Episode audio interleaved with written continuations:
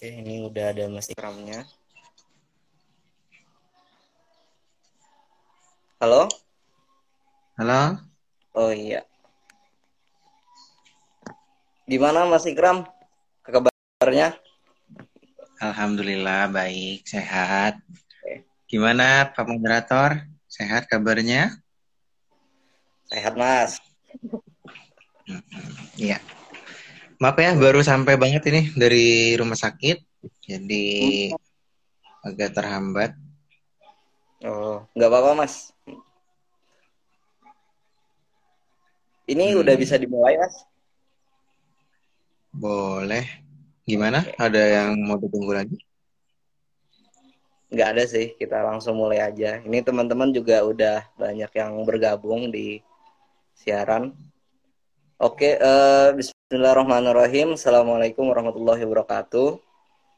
Eh, teman-teman kita lagi dengan ngabuburit dengan kurma CS Mora. Kali ini kita akan sama-sama membahas tentang hukum vaksinasi dan tes swab ketika berpuasa. Eh, kali ini kita bersama Mas Ikram dari CS Mora Win Syahid 2016 ya Mas?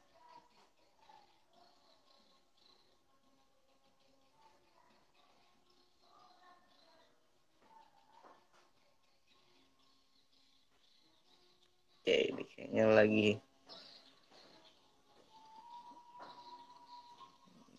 ada masalah di jaringan bentar.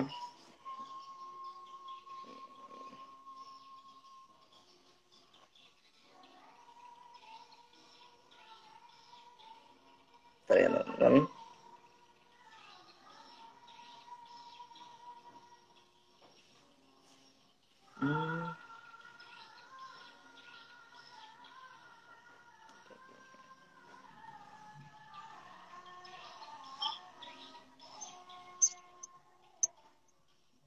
Oke, gimana Mas?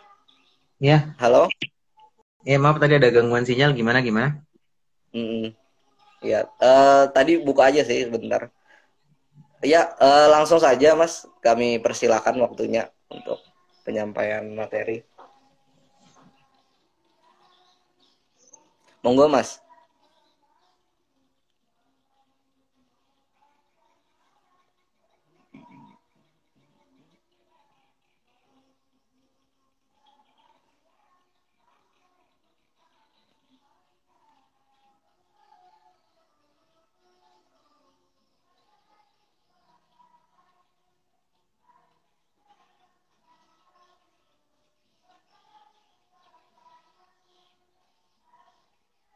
Wah, ada. Kayaknya Mas Ikram masih terkendala jaringan ya. Bentar ya teman-teman. Kita tunggu dulu Mas Ikramnya.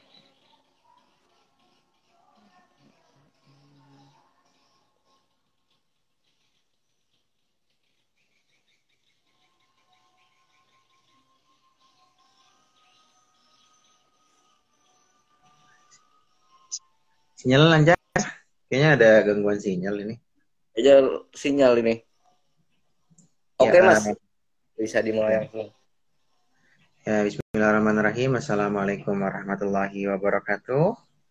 Waalaikumsalam. Eh, di sini sebenarnya eh, saya mohon maaf ada ketelatan karena memang baru saja pulang dari apa rumah sakit dan ini masih pakai baju jaga jadi ya mohon maaf dimaafkan ya ini mudah-mudahan. Ah, yang selanjutnya di sini mungkin saya agak sedikit klarifikasi soal kalau ditanya hukum uh, lebih ke fikih itu mungkin bukan keahlian saya secara penuh. Mungkin saudara moderator ini jauh lebih handal dibanding saya. Cuman saya di sini ingin menyampaikan apa yang telah saya baca dan saya apa namanya uh, dapatkan, tetapi lebih ke combine bagaimana uh, saya combine di sini untuk uh, hasilnya ya dalam artian dan juga nanti lebih ke aspek klinisnya atau aspek dokterannya karena memang keahlian saya lebih di sana. Nah, untuk yang pertama mungkin uh, lebih enak kalau misalnya kita saling ini aja ya, interaksi, tanya jawab nanti boleh uh, banget kalau misalnya tanya jawab. Karena juga saya bingung kalau misalnya masalah agama, jadi lebih ke pertanyaan medis saja. Jadi apa yang kalian mau tanyakan terkait vaksin dan juga swab itu boleh tanyakan langsung. Silahkan ketik di komen yang ada di bawahnya. Nah yang pertama masalah hukum. Sebelumnya saya mengutip dari EU Online. Di situ ada uh, kutipan yang diambil bahwa al-mubtilatu siam, jadi perkara-perkara yang membatalkan puasa itu salah satunya ada memasukkan sesuatu ke dalam rongga.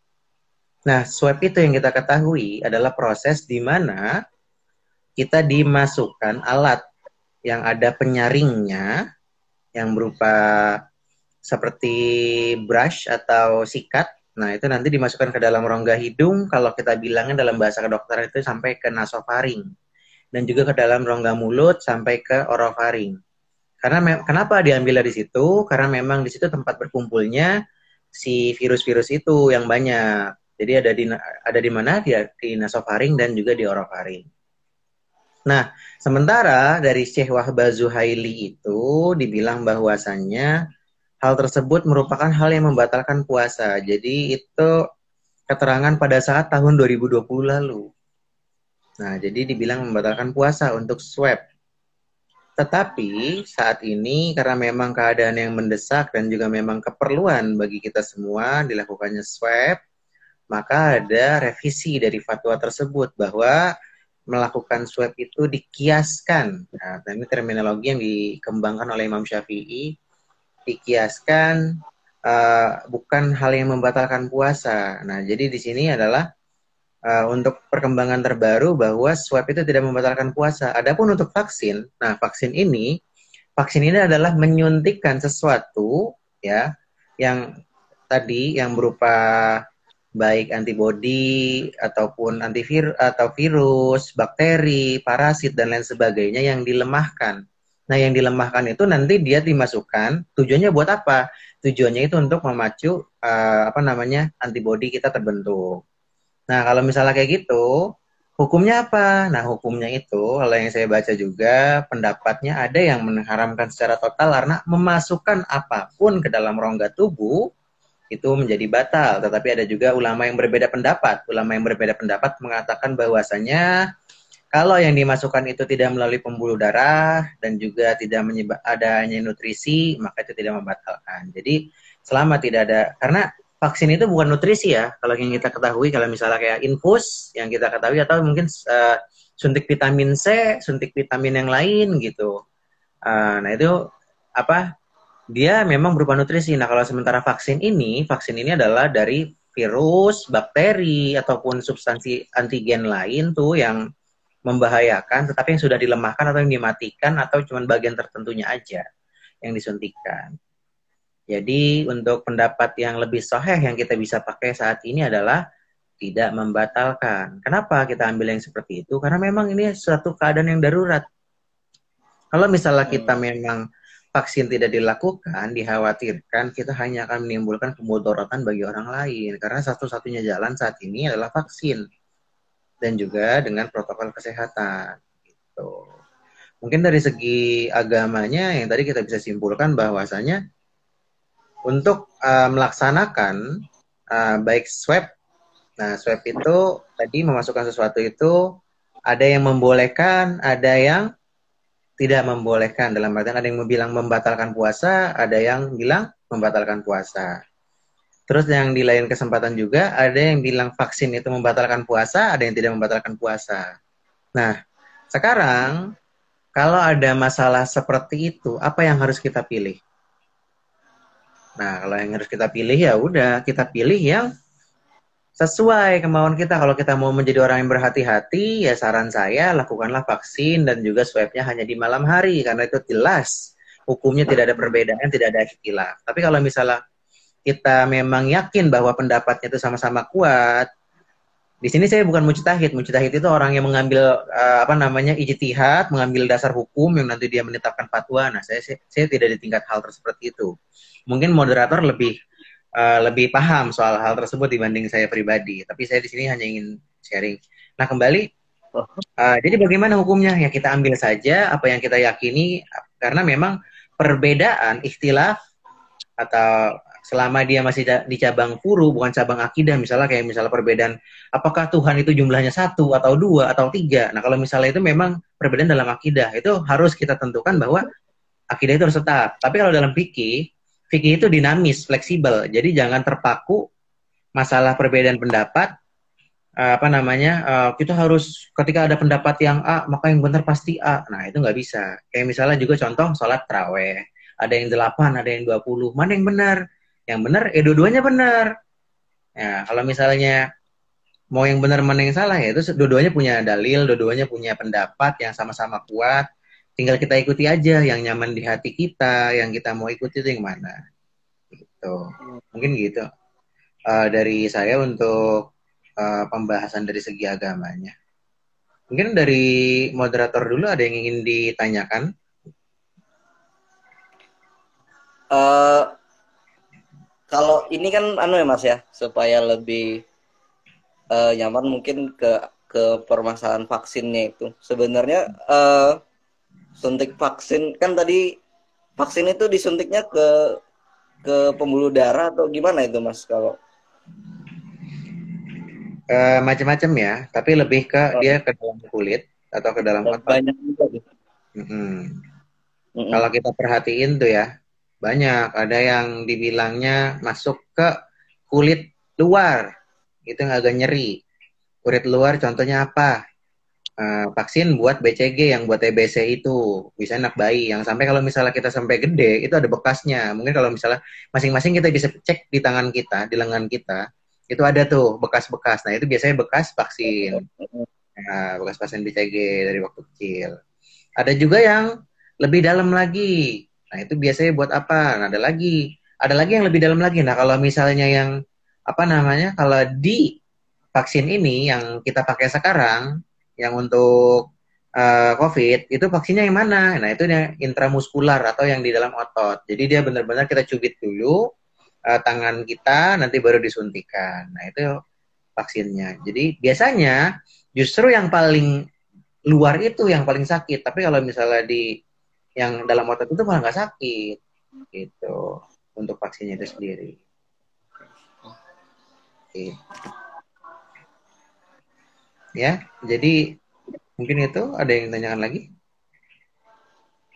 Oke oke. Uh, ini teman-teman yang bergabung dari penonton mungkin ada yang mau ditanyakan terkait vaksin tadi, vaksin swab dan ketika berpuasa. Tadi kan ada beberapa pendapat fikih yang disampaikan Mas Ikram juga ada uh, proses vaksinasi itu sebenarnya nyuntiknya ke mana nih?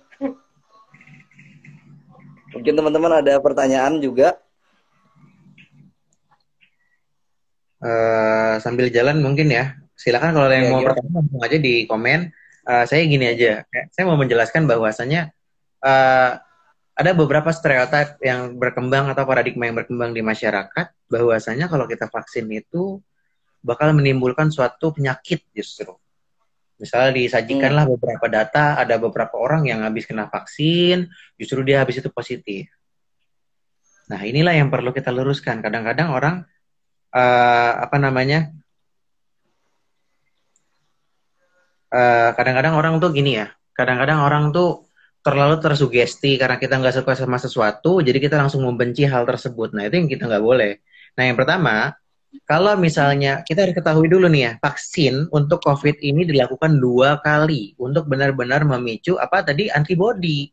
Jadi yang kita ingin timbulkan itulah antibody. Kalau misalnya dia masih satu kali, kira-kira udah bu udah bagus belum antibodinya?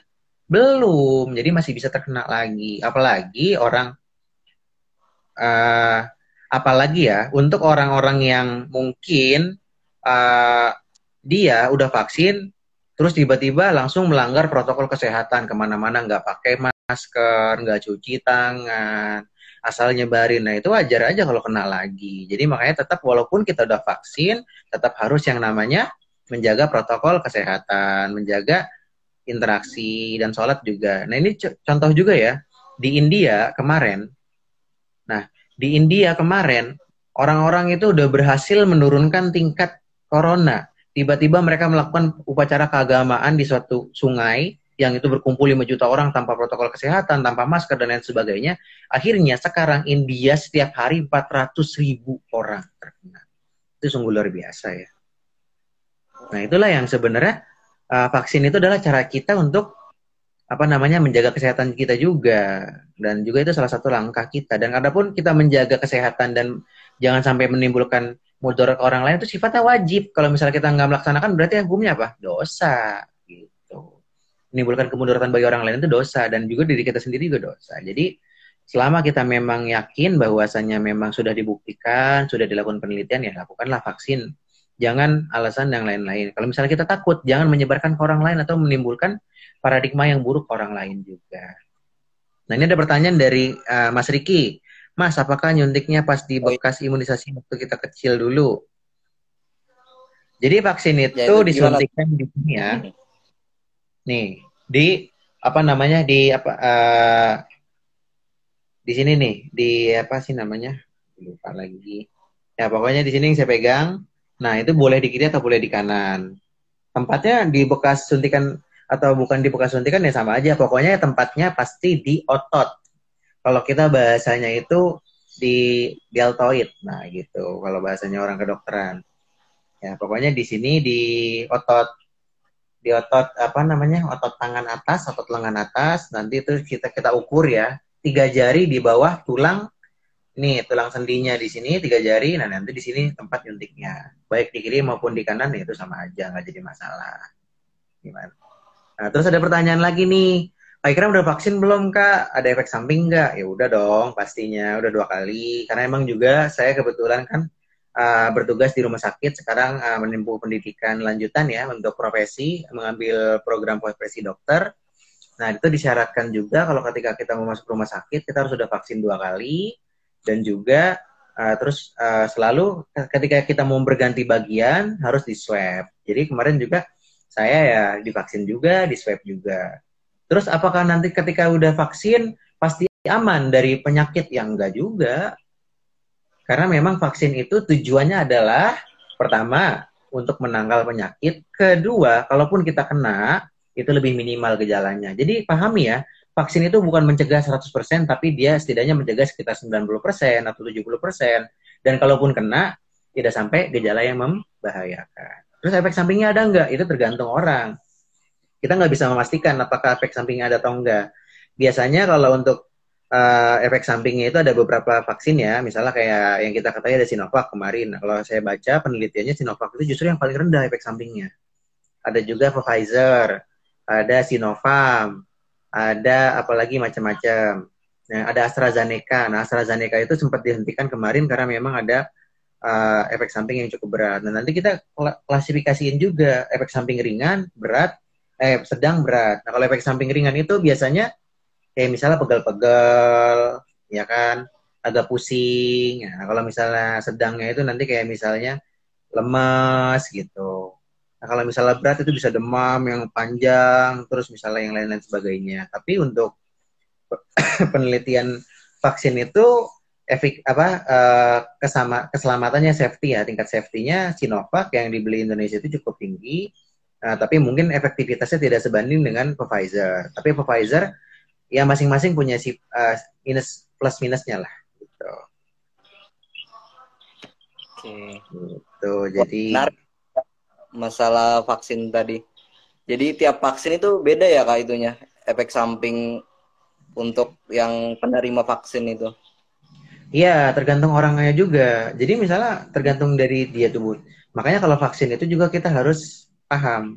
Pertama vaksinnya itu dibuat dari apa? Nah untuk Sinovac itu, setahu saya itu dibuat dari virus yang dimatikan. Jadi nggak ada ceritanya, nggak ada ceritanya kalau misalnya orang habis disuntik Sinovac, tiba-tiba dia vir, uh, positif, itu gara-gara vaksinnya. Nggak ada, karena virusnya udah mati. Nah, kenapa virus, virus mati disuntikin? Itu buat memicu kekebalan tubuh kita. Ibarat kata gini loh. Misalnya, hmm. misal uh, siapa nih? Uh, mohon maaf, namanya siapa Pak moderator? Evan. Pak Evan, Evan ya? Mas. Ah, iya benar. Mas Evan nih, Mas Evan misalnya suatu, suatu ketika lewat suatu jalan nih, suatu jalan. Mas Evan tuh di, di suatu jalan itu ada preman, suka malakin, suka uh, mintain uang secara ilegal, ya kan? Hmm. dan ada jalan lain misalnya gitu. Nah, ketika udah lewat pertama kali di situ dan nggak sampai dibunuh tuh, nggak sampai dibunuh Mas Evan, dipalakin, dikasih, tapi nggak sampai dibunuh. Nah, besoknya lagi ketika udah tahu mau lewat jalan situ lagi atau mau mau lewat jalan lain? Enggak, jalan lain dong. Nah, mau jalan lain gitu itu sama itu proses kekebalan tubuh kita seperti itu kalau misalnya hmm. kita udah tahu suatu penyakit misalnya tubuh kita udah kenal nih udah kenal covid nah oh ini si covid nih kita udah kenalan terus akhirnya ketika kita udah kenalan uh, udah tahu dong nah gimana cara cara membunuh si covid itu dengan baik nah itu itulah fungsi dari vaksin tersebut. Jadi gitu. Tapi bukan berarti ya kalau misalnya ketika kita memilih jalan lain nggak ada lagi tuh premannya. Nah itu mungkin masih ada. Makanya kita benar-benar apa yang harus kita persiapkan adalah tetap perhatian sama apa yang kita sudah lakukan. Itu tetap jaga protokol kesehatan, tetap jaga apa namanya kebersihan. Karena karena ada banyak positifnya juga sih ada pandemi ini. Pertama kita benar-benar di apa namanya bangkitkan kesadaran diri kita itu terhadap kebersihan yang mana dulu kita tuh asal makan asal pegang sesuatu dari rumah yang mana terus gitu. Kita nggak tahu kita jarang pakai apa namanya masker yang mana banyak polusi udara. Nah itu kita dibantu juga dengan pandemi itu kita dibuat sadar bahwa sama hal yang kecil aja kita tuh nggak berdaya dan harus benar-benar menjaga kebersihan. Makanya nggak salah ada ada hadis apa anazofatu minal iman. Iman. Kebersihan sebagian daripada iman. Kalau misalnya kita nggak menjaga kebersihan uh, sejak dini ya kita bakal sakit-sakitan di kemudian hari. Tapi kadang-kadang orang Indonesia kan uh, ya udah gembel aja makan dari tempat sampah hidup. Nah ya itu kadang-kadang pakai dalil seperti itu. Ya nggak bisa seperti itu. Jadi kita harus benar-benar menjaga kebersihan. Jangan nunggu, jangan nunggu sakit baru jaga kebersihan. Itulah sebenarnya. Jadi kita di sini dalam rangka pencegahan. Gitu. Mungkin ada yang ingin bertanya lagi? Oke, dari teman-teman mungkin ada yang mau bertanya lagi, bisa di kolom komentar. Uh, gini kak, uh, yang tadi nih saya, ini kan kebetulan kita kita lagi di bulan Ramadan nih kan kalau kalau siang itu biasanya pada lemes kan uh, hmm. ada yang tergantung sahurnya nih ada yang telat atau ada yang nggak sahur gitu kan uh, biasanya kalau vaksinasi itu ketika orang berpuasa itu ada efek samping tambahan nggak sih sebenarnya karena lemas ya. itu kemudian timbul efek samping atau enggak gitu kembali ya, uh, kembali kita harus ketahui bahwa ketika kita vaksinasi itu harus dalam keadaan tubuh yang optimal. Mm-hmm. Gitu. Jangan ada pilek, jangan ada batuk, jangan ada demam. Kalau bisa tuh, tiga hal tersebut.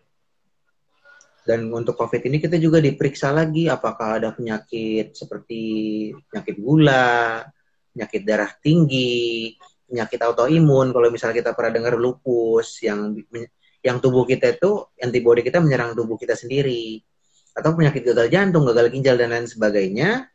Nah, itu kita harus perhatikan. Nah, juga sebenarnya untuk masalah efek samping atau enggaknya kan tadi kembali ke orangnya itu sendiri atau responnya dia, respon imunnya terhadap yang disuntikan atau kekuatan imunnya yang dari yang suntikan. Nah, kalau misalnya kekuatan imunnya nggak maksimal, nah salah satu imun itu kekuatannya bisa didapat dari mana? Dari nutrisi, dari protein, misalnya juga bagus.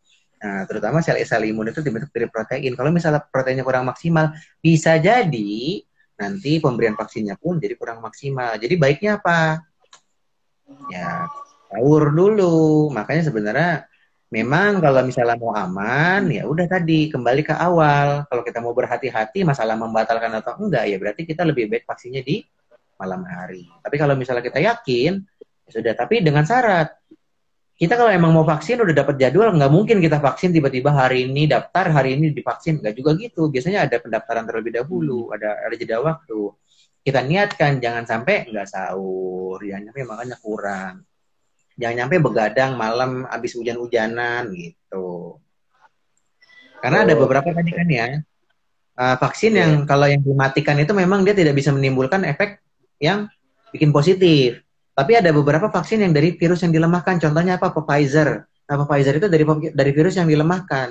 Kalau misalnya kita nggak efektif, apa namanya uh, daya tahan tubuh kita, virus yang lemah itu bukan berarti dia nggak bisa berbuat apa apa sama sekali. Kalau misalnya tubuh kita lemah malah nggak bikin antibodi malah virus yang dia awalnya lemah jadi kuat. Nah itu jadi malah positif. Nah itulah yang sebenarnya kita hindari itu jadi bukan masalah antara apakah ada efek sampingnya atau enggak ya. Jadi lebih ke kita persiapkan tubuh kita benar-benar. Kayak misalnya mau sholat juga. Kalau mau sholat kadang-kadang ada yang berpendapat kalau misalnya kita lagi lapar perut keroncongan lebih utama sholat dulu atau lebih utama makan dulu? Gitu. Gitu ya. Dan kalau mau sholat juga lebih utama bersih bersih dulu enggak gitu. Misal mau ketemu pacar mau ketemu doi mau ketemu calon uh, calon gitu. Kita mandi siap siap yang rapi. Terus kalau ketemu Tuhan sembarangan. Nah itu ya. Kadang-kadang itu hal yang perlu kita jaga gitu Oke, wah menarik sekali uh, Mas Ikram tadi menyampaikannya. Uh, teman-teman ada yang mau ditanyakan terkait vaksin? Monggo. Hmm, jadi uh, persiapan kita sebelum vaksin itu juga penting ya, Mas. Iya, penting banget. Itu vaksin juga tadi kita harus uh, kondisi. Sebenarnya ada ada kasus yang menarik akhir ini mungkin ada baru trending ya hari ini ya. Baru trending soal pengurus masjid di Bekasi atau Depok ya. Bekasi, Bekasi. Ada orang sholat pakai masker. Terus hmm. apa namanya? diusir, dibentak. Tiba-tiba bawa ayat Al-Qur'an, ayat Ali Imran ayat 96. Gitu. Yang mana itu ayat Ali Imran 96 itu membedakan masalah uh, sholat berbeda dengan ibadah yang lainnya dan juga kalau Mekah itu Ka'bah itu merupakan rumah pertama yang dibangun bagi manusia. Satu korelasinya saya tidak menemukan. Terus dia menyamakan bahwa kita harus membedakan ke sholat, uh, antara sholat dengan ke pasar. Nah, itu. Kembali ya. Tadi kita belajar dari orang India. Mereka melakukan uh, kegiatan keagamaan yang berkumpul uh, tidak ada jarak, terus tidak ada masker, akhirnya terjadi lonjakan kasus uh, corona sampai 400 ribu lebih per hari. Nah, apakah kita mau mencontoh kebodohan dari orang-orang India tersebut? Yang ketika kita terlena bahwa uh, ketika beribadah itu harus dilindungi Allah 100%. Jadi kita tidak perlu mengindahkan, kita percaya Allah atau kita percaya dokter mana yang kita lebih percaya? Itu nggak bisa itu bukan perbandingan apple to apple nggak bisa seperti itu. Kalau kita memperbandingkan jangan seperti itu. Allah juga menerapkan sistem yang namanya syariah itu juga ada landasan berpikirnya. Jangan lantas kita dikasih kemudahan bahkan ulama-ulama berpendapat bahwasanya kita boleh sholat pakai masker pada saat zaman pandemi ini. Terus ulama karena ada ulama sebagian yang tidak itu kita langsung bilang oh kafir oh tidak sesuai dengan Al-Quran, maka itu kafir. Wah, itu nggak bisa. Akhirnya ntar gara-gara dia uh, menimbulkan suatu penyakit yang meningkat. Akhirnya nanti uh, yang disalahin sholat berjamaahnya, padahal sholat berjamaah itu udah diatur sama pemerintah bahwa dijarakin, pakai masker, tetap jaga protokol kesehatan, jangan lupa cuci tangan sebelum wudhu, setelah sholat juga jangan langsung bersalam-salaman dulu seperti biasanya. Untuk sementara waktu, nggak lama. Selama kita kalau kita udah bisa mengontrol, nanti nanti lama-lama kita akan bersahabat sendiri dengan yang namanya corona. Gitu. Hmm. Jadi jangan bikin perbandingan yang kita bandingkan Allah dengan dokter, jangan. Gitu. Bahkan ada dulu zaman Nabi, sahabat, ya, zamannya sahabat ya, zamannya sahabat, zaman sahabat itu pernah terjadi taun atau wabah. Nah, zaman wabah itu ada orang pertama uh, jangan saling apa namanya mendekat. Nah, pertama. Kedua, akhirnya diisolasi. Nah, itu yang timbul masalah lockdown. Itu zaman sahabat. Dan zaman Nabi juga ada. Hadisnya, ini hadis. Hadisnya itu boleh dicek derajat kesohihannya mungkin sohih ya. Nah, mungkin dicek lagi. Kalau kita dalam suatu wilayah yang terdapat wabah, kita dilarang keluar. Kalau misalnya ada suatu wabah yang kita, uh, suatu daerah yang ada wabah, kita dilarang masuk kalau kita lagi di luar. Nah, itu pentingnya benar-benar bahwa Islam itu bukan agama yang hanya percaya pada hal-hal mistis bahwa kekuatan Tuhan itu dilandaskan kepada uh, hanya berdasarkan supranatural aja tapi juga Allah itu menyuruh kita ikro bismi rabbikal ladzi khalaq. Bacalah dengan nama Tuhanmu yang uh, menciptakan. Jadi kita harus membaca. Membaca itu bukan cuma membaca Al-Quran doang. Membaca ayat itu bukan ayat-ayat yang apa namanya ayat-ayat yang tertera dalam Al-Quran doang atau yang kita bilang dalil nakli, tapi juga kita harus dalil akli. Dan juga ayat-ayat itu bukan cuma ayat-ayat yang tertuang atau ayat yang muhkamat ataupun mutasyabihat. Juga ayat-ayat yang kauniyah yang keseluruhan. Kita harus memperhatikan bahwa ayat itu banyak. Tanda-tanda di alam itu sendiri kita bisa jadikan sebagai wahyu Tuhan bahwa memang Allah itu menciptakan segala sesuatu itu dengan sangat sempurna, kita bisa pelajari. Jangan selalu terbodohi atau jangan selalu kita terpaku bahwasanya apa yang ditentukan Allah itu kita semuanya tidak boleh dipelajari. Nah, itu nanti kita akan terjadi teori kejumudan pada saat itu dulu zaman di gereja, yang gereja itu melarang bahwa membuktikan bumi itu bulat pada saat dan ternyata di zaman sekarang bahwa bumi itu di teori yang benar itu adalah bumi itu bulat. Nah itu kita bisa berdebat masalah hal tersebut lah ya mungkin anak-anak palak kita yang lebih paham. Tapi kembali ketika uh, ayat-ayat Quran atau ayat-ayat atau hadis-hadis itu dijadikan sebuah kekakuan maka akan terjadi timbulnya ya, ya seperti zaman dahulu seperti ya, apa kasusnya Galileo Galilei, Marco Polo dan lain sebagainya. Itu yang kita tidak ingin.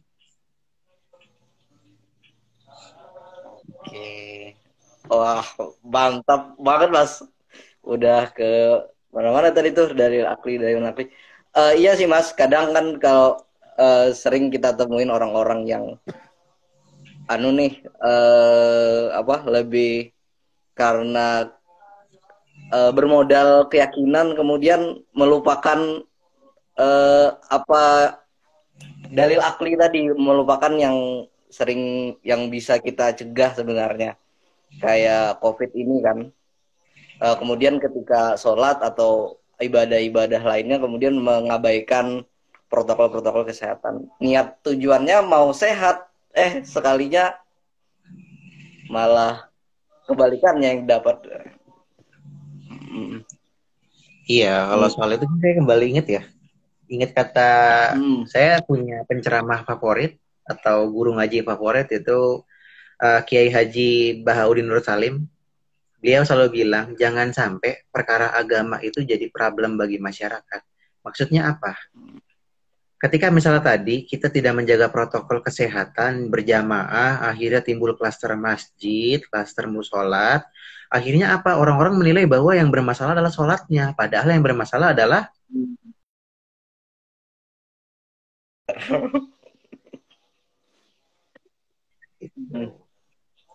Jangan sampai masalah gara-gara kita nggak menjaga hal tersebut, orang-orang tuh jadi menyalahkan, wah gara-gara sholat nih, jadi gara-gara jamaah nih kita jadi sakit nih. Jangan sampai seperti itu.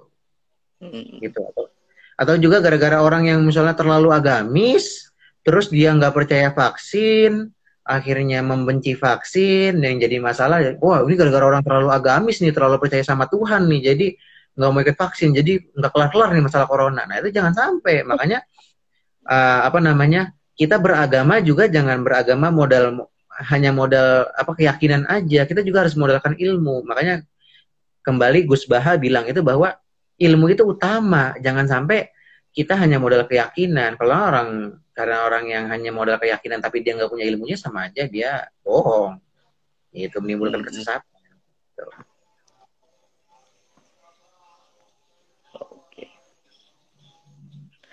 Oke, Mas. Wah, uh, keren banget nih Mas uh, mungkin kita buka ke teman-teman penonton ya Mas mungkin ada yang mau bertanya terkait vaksinasi swab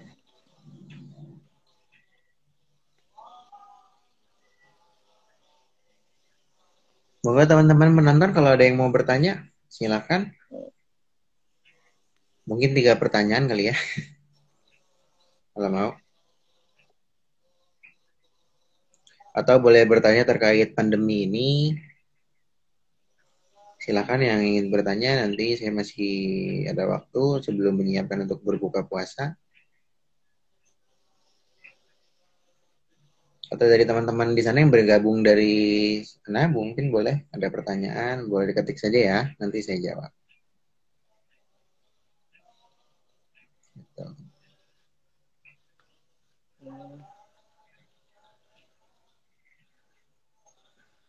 Uh, sembari menunggu nih Mas, uh, sebenarnya di rumah sakit sekarang itu masih terus itu ya Mas. Uh, jujur saya juga kurang mengikuti lagi, soalnya kan uh, apa tentang pasien COVID udah berapa nih? Dulu kan di awal-awal tuh udah heboh banget tuh, nambah 100 aja udah rame banget tuh di pondok sekarang kalau udah udah nambah seribu aja udah biasa aja. Sebenarnya uh, vaksinasi dan uh, persebaran tuh masih masih gimana mas sekarang kondisinya gitu? Hmm. Oke, jadi target vaksinasi itu sebenarnya vaksinasi itu dimaksudkan itu untuk menimbulkan yang namanya herd immunity atau apa namanya kita jadi harus menimbulkan uh, kekebalan imunitas, kekebalan dari yang kelompok. Nah, contohnya gini. Kalau dalam satu daerah ada penduduknya 10 yang berdempetan. Minimal yang divaksinasi itu adalah 8 orang atau 7 orang. Nanti tiga itu dipisah. Jadi biar tiga itu tidak menularkan ke orang yang telah divaksinasi ataupun orang yang divaksinasi tidak menularkan ke orang yang telah terkena. Dan untuk jumlah lajunya itu sendiri untuk saat ini cukup menurun ya. Bahkan kabar-kabar baik uh, cukup baik perkembangannya setelah divaksinasi bahwa memang ada tren penurunan dari jumlah uh, kasus harian. Untuk update status tiap harinya juga saya tidak terlalu update, cuman saya mendengar bahwa memang untuk jarang untuk kasus COVID itu uh, saat ini jarang. Cuman memang yang perlu diwaspadai ini mungkin nice to know bagi kalian bahwasanya COVID ini juga dapat menimbulkan stroke, gejala sisanya penyakit jantung, ginjal dan lain sebagainya. Kenapa?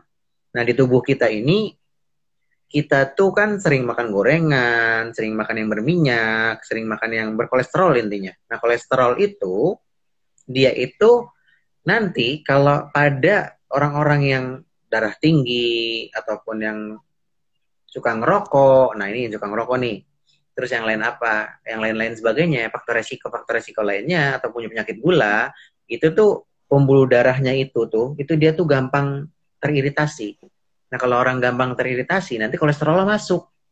Kalau kolesterolnya masuk, dia berkumpul, berkumpul, berkumpul, akhirnya menjadi yang namanya kalau kita kenal dulu mungkin kalau anak-anak IPA kenal dengan istilah aterosklerosis. Jadi adanya penumpukan kolesterol di dinding uh, pembuluh darah. Nah, itu dia tuh gampang gampang gampang copot tuh.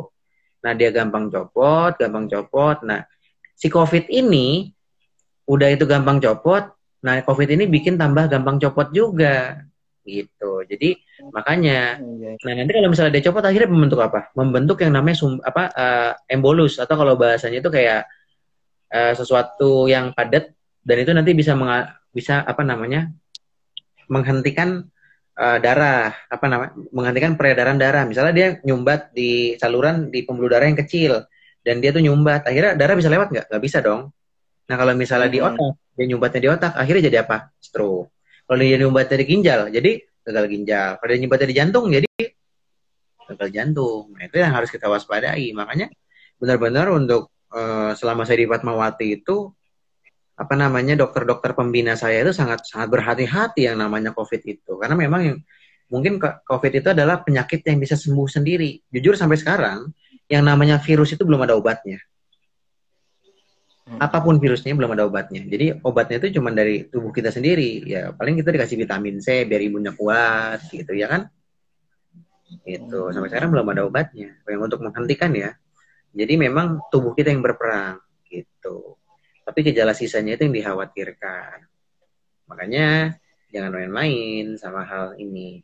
Oh, oke okay, oke okay, oke okay, Mas. Oh, jadi bahaya juga ya Mas walaupun bisa sembuh sendiri, tapi setelah kalau udah pernah kena COVID itu potensi-potensi kena penyakit lain malah jadi lebih tinggi ya, Mas? Iya, apalagi orang-orang yang dengan imunnya lebih buruk, orang-orang misalnya dengan pemakaian obat uh, steroid namanya ya, jangka panjang, yang sampai berbulan-bulan bahkan bertahun-tahun, atau orang-orang dengan dia mengkonsumsi obat obatan yang lain juga yang bisa melemahkan uh, imun, ataupun juga orang-orang yang memang dengan imunnya lemah, seperti orang-orang yang uh, HIV atau AIDS gitu. Nah, itu orang-orang yang imunnya lemah. Itu itu waspada. Itu orang-orang yang perlu ataupun orang-orang yang kanker juga. Nah, itulah Makanya kalaupun kalau misalnya kita nggak peduli dengan protokol kesehatan, kita anggap kita masih muda, orang tua kita yang memang mereka tuh punya faktor resiko banyak. Mereka mungkin punya darah tinggi, punya gula darah, punya kolesterol. Nah kita mungkin yang masih sehat-sehat aja nih. Cuman kita juga kadang-kadang banyak yang ngerokok. Nah itu ngerokok juga salah satu resiko. Mungkin yang anak-anak muda sekarang ya kurang-kurangilah merokok bahkan bila perlu berhenti gitu.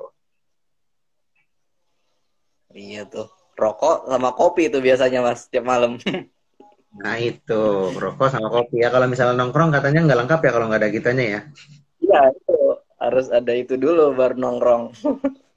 iya. Kalau saya pribadi saya juga seneng nongkrong. Cuman ketika diajakin ngopi, yuk ngopi yuk ngopi. Tapi saya sendiri misalnya teh gitu. Emang gitulah. Tapi judulnya ngopi, ngopi bareng. Tapi ya itu pilihan aja lah. Yang penting kita kita tahu diri kita sendiri, kita tahu uh, sebatas mana yang kita bisa terima, yang man, uh, kesehatan kita. Mari sayangi diri kita sendiri juga, sayangi juga keluarga kita. Jadi ketika kita menyayangi diri kita, menjauhkan diri dari COVID, itu juga menyayangi keluarga kita. Gitu. Ya. Ada pertanyaan? Kalau nggak ada pertanyaan, mungkin ya itu sih yang saya sampaikan. Atau mungkin ada pertanyaan lagi dari moderator, boleh?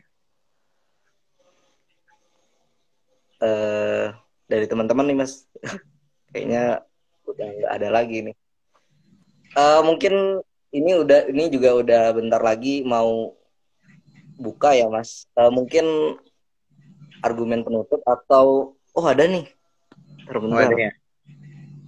Dari siapa? Dari oh dari Mbak Ainur. Ainur. Izin bertanya kak. Gimana bacain dong, bacain, bacain. Oke oke. Sekarang kan mulai muncul jenis COVID dengan jenis baru. Nah, apakah itu akan mempengaruhi efektivitas vaksin atau sama aja, Kak? Uh, Oke, okay. uh, sedikit kita agak panjang dikit ini ya soal penjelasan ini ya. Jadi kembali ke tadi ya, uh, kalau misalnya vaksin itu kita tunjukkan kayak contohnya apa tadi apa? Misalnya Mas Evan lewat jalan pernah dipalakin preman tapi nggak dibunuh, akhirnya ketika hari besoknya lewat jalan lain. Dan begitu pun virus. Kalau misalnya semakin sering dia berinteraksi ke manusia semakin sering dia dilawan ada dong yang bertahan sedikit-sedikit mah ya. Nah yang bertahan-bertahan itu adalah individu-individu kuat. Nah kalau individu-individu kuat itu terus bertahan akhirnya apa dia menciptakan suatu kekebalan, dia memberikan informasi. Nah, itulah hebatnya. Sama kayak manusia nih, misalnya kalau Evan punya teman yang disayangin atau punya teman yang di ya teman-teman deket lah gitu. Lu besok jangan lewat situ ya. Itu ada preman tuh tukang malak. Ya, ibarat kata kayak gitu kan. Atau punya anak iya. nanti Evan punya anak. Ketika suatu saat uh, anaknya ada jalan lobang misalnya. Nah, itu jalan berlobang tuh, jangan dilewatin tuh, nanti jatuh gitu. Ibarat kata kayak gitu. Nah, sama seperti virus virus pun kalau misalnya dia kita nggak bisa bunuh sekaligus, akhirnya dia timbul generasi-generasi yang tangguh, ya itulah akhirnya mempengaruhi efektivitas. Tapi untuk varian yang B11 yang dari Inggris itu masih efektif dengan Sinovac. Sementara yang AEK atau yang dari EQ atau yang dari India ini dikhawatirkan itu bisa apa namanya bisa menurunkan efektivitas dari vaksin. Makanya tadi penting banget kita menjaga protokol kesehatan biar tuh virus nggak kenal kita banyak, semakin banyak dia kenal kita, semakin banyak cara dia untuk bertahan gitu. Jadi penting kita untuk menjaga kebersihan dan kesehatan. Kalau misalnya kita nggak jaga, akhirnya virus yang menang. Kalau kita kalah, ya akhirnya kembali banyak kesakitan di mana-mana. Jangan sampai tragedi India itu menjadi di Indonesia. Gitu. Terlena dengan kemenangan sesaat, ngerasa bahwa kasusnya udah turun, tiba-tiba mereka berkumpul tanpa protokol kesehatan, akhirnya meledak. Nah, bahkan menimbulkan varian jenis baru. Nah, itu yang kita jangan jangan sampai terjadi di kita. Gitu. Kalau mempengaruhi efektivitas ya mungkin saja gitu. Silakan mungkin nanti kita baca lagi uh, variannya yang mana atau mungkin juga bukan efektivitas aja, mungkin nanti menimbulkan gejala yang lebih berat gitu. Jadi selain bisa mempengaruhi efektivitas vaksin atau juga bisa mempengaruhi gejala yang lebih berat. Nah, itu yang berbahaya. Gitu. Oke, oke, oke.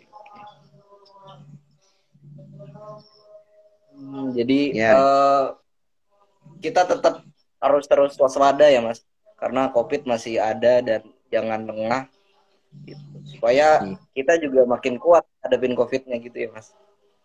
Betul sekali. Ya, jadi mungkin ini ya. Kita closing statement. Jadi uh, masalah fikih itu adalah masalah yang dinamis, Jangan terlalu kaku terhadap perbedaan di fikih, istilah bainal ummati rohmah kata Rasul. Jadi perbedaan antara roh, antara umat itu adalah sebuah tuh yang menjadi rahmat, jadi kasih sayang, menjadi tanda bahwa kita saling mengisi. Jadi jangan kaku, pilihlah dengan sesuai hati nurani selama landasannya kuat, apple to apple ya. Jangan kalau misalnya pendapat saya yang dijadikan patokan dibanding dengan pendapat ahli fikih lainnya itu nggak pantas. Tapi kalau misalnya ahli fikih dengan ahli fikih baru itu pantas. Nah, begitupun Terus juga kita harus terus menjaga yang namanya kebersihan, kesehatan. Kita sayangi diri kita, sayangi orang tua kita, bahwa kita pikirkan bahwa vaksin itu adalah salah satu cara untuk kita menjadi sehat dan menjaga kesehatan itu adalah hukumnya wajib bagi kita semua. Jadi kalau kita tidak menjaga kesehatan saat ini adalah hukumnya berdosa. Jadi terus sayangi diri kita, sayangi keluarga kita, uh, sayangi lingkungan lingkungan kita.